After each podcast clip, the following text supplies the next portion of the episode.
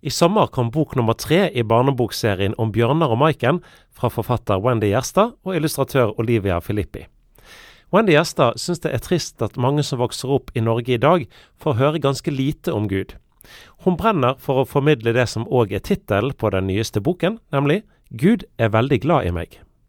Jo, det er vel egentlig fordi at eh, det er så viktig å vite akkurat det. Veldig, veldig viktig for barna. De vet jo kanskje at mamma og pappa er glad i en, men noen ganger så kommer det noen spørsmål som gjør at du trenger litt Altså enda mer. Det er akkurat som det er et tomrom der som, som er ment skal fylles. Eh, og man trenger på en eller annen måte å ha noen ideer om hvor kommer jeg fra. Er jeg ønsket? Er alle mennesker ønsket? Altså disse her litt mer fundamentale eh, ja, verdiene. Og så dette med eh, hvor går vi henne, hvor skal vi henne? Sant? At det der er et behov der hos eh, mennesker, et grunnleggende behov, også hos barn. Og, og, det er en enorm trygghet for barn å vite at eh, Gud fins, og han elsker akkurat deg. Du er villet av Gud. Altså, han visste om deg og kjenner deg, og ønsker veldig akkurat deg. I denne boken her så er det jo Bjørnar og Maiken, de er søsken. Og så er det mamma, og så er det pappa. Og så er det ikke minst en bestemor eh, og en bestefar her.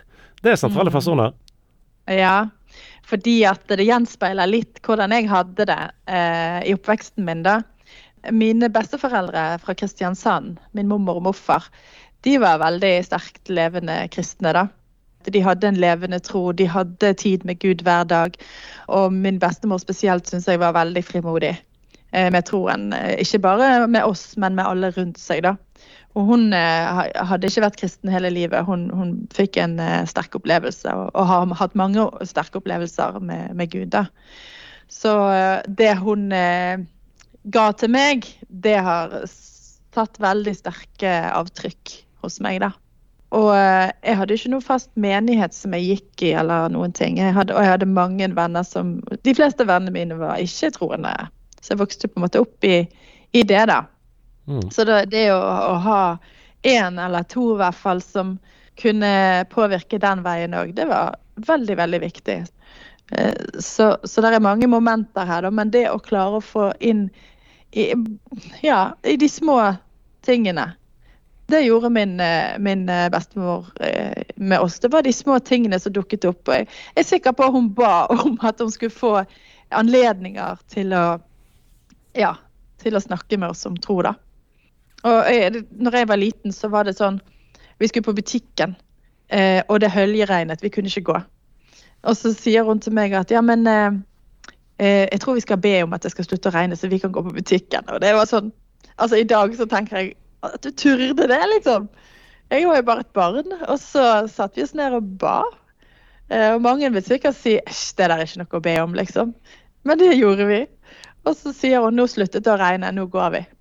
Og så gikk vi da på butikken, og så var det så utrolig vittig. For når vi da kom hjem igjen, når vi tok siste steget rett under taket, så bøttet det ned igjen. så liksom mange sånne små At vi tør å stole på Gud i de små tingene, enn om det er så barnslig. Så, og det Ja, mange sånne episoder som hun på en måte overførte troen og tørre å be og, og, ja, At Gud ser oss i de små tingene. Han har lyst til å være en del av livet vårt. Ikke bare liksom uh, sånne store ting, liksom. På samme måten som med de foregående bøkene i Bjørnar og Maiken-serien, følger det òg denne gangen med en CD med lydbok og sanger. Og det henger sammen med hvordan ideen til den første boken opprinnelig kom. Det var jo mange, mange år siden. Min sønn som nå er 16, han var rundt tre år. Og han elsket å bli lest for. Eh, og så var det jo sånn at eh, det er jo travle dager, sant. Og, og han ville veldig gjerne at jeg skulle lese om igjen og om igjen samme boken. Så når jeg da ikke hadde den tiden, så tenkte jeg at det må jo finnes noe sånn eh, så jeg kan sette på lydbok med bok, så de kan bla om. For det visste, husket jeg fra Disney, da. Og jeg fant jo en Disney-kassett til han som han elsket å sitte med. Da fikk han liksom om igjen og om igjen så lenge han ville.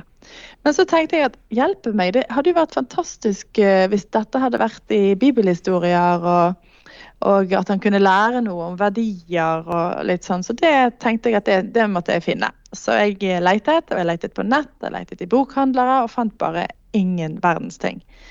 Og da tenkte jeg at hjelp, da må vi jo Dette må jo finnes, så dette må vi lage. Så da begynte prosessen, da. Men, eh, men, det skulle jo gå litt tid før eh, første bok kom ut, da. ja, dette blir jo litt sånn Det har jeg aldri gjort før, så det går sikkert bra, som Pippi Langstrømpe sa. ja, sånn er jo jeg. Akkurat sånn. Så jeg eh, sendte noe manus ut til alle forlag, jeg, og nei, nei, nei, nei fra alle. Og så tenkte jeg OK, da må jeg gjøre det sjøl. Så enkelt er det. Så, så, jeg tenkte OK, hvor mye må jeg spare, og litt sånn, og hva må jeg gjøre? Begynte å, å, å studere hvordan man skal lage lyd hjemme, og, og sånn. Eh, og så gikk det fem år, faktisk.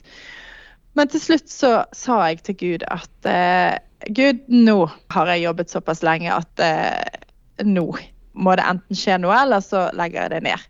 Og det var egentlig litt sånn at eh, jeg la det egentlig fra meg. Jeg tenkte dette gjør ingenting om det ikke kommer ut. Men så sa jeg òg at men Gud, hvis dette er deg, så må du ta over nå, for jeg kommer ikke lenger. Og så gikk det bare en eh, to-tre uker, så var forlag på plass, illustratør på plass. Altså, det bare gikk sånn pang, pang, pang, pang. Uten Altså, det, det bare kom. så jeg kjente på at eh, oi, her var det noe mer.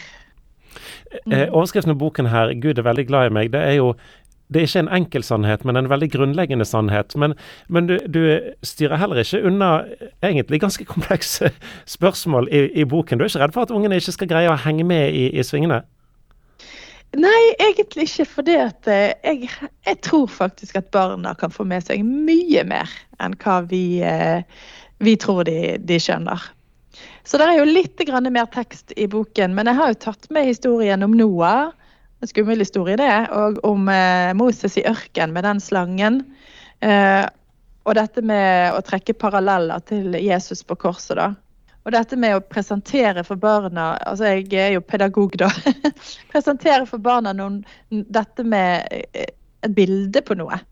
Eh, at jeg kan sammenligne noe. At det trekker, trekker linjer, eh, selv om det er veldig enkelt nivå. Nå er det etter hvert noen uker siden, eh, og kanskje faktisk måneder siden eh, boken kom. Eh, respons så langt, har det noe som har nådd deg?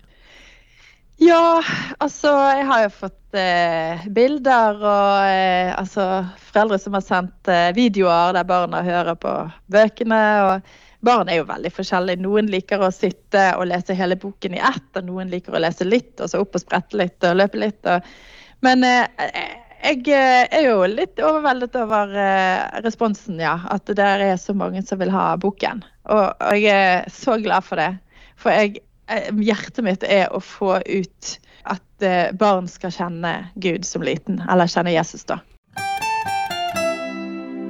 Du har hørt en podkast fra Petro. Du finner masse mer i vårt podkastarkiv på petro.no.